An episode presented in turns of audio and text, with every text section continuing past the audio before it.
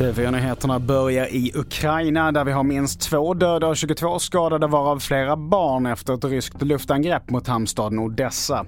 Dessutom ska den världsarvsklassade katedralen ha fått stora skador. Och nu har president Zelensky gått ut och sagt att man kommer att utkräva hämnd på de ryska terroristerna för attackerna mot civila mål. Så till Sverige, där en pojke under 18 år skadades under lördagen i en skottlossning i stadsdelen Nyfors i Eskilstuna. Nu uppger polisen att pojken vårdas på sjukhus med livshotande skador. Händelsen är rubricerad som försök till mord och grovt vapenbrott och än så länge så har ingen gripits misstänkt för skjutningen. I nuläget är det oklart om det finns något samband mellan helgens skottlossningar som är två av totalt ett 40-tal skjutningar sedan i fjol. Våldsamma kriminella uppgörelser har blivit en del av vardagen 2023 i den gamla industristaden.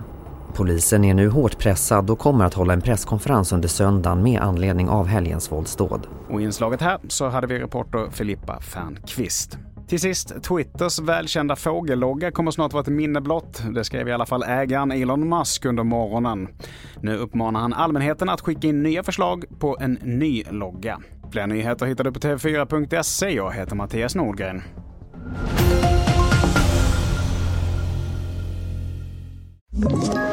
Ett poddtips från Podplay.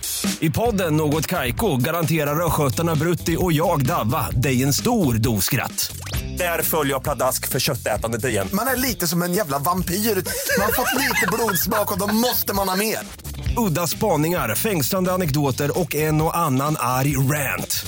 Jag måste ha mitt kaffe på morgonen för annars är jag ingen trevlig människa. Då är du ingen trevlig människa, punkt. Något Kaiko, hör du på Podplay. Därför arkadeinerna.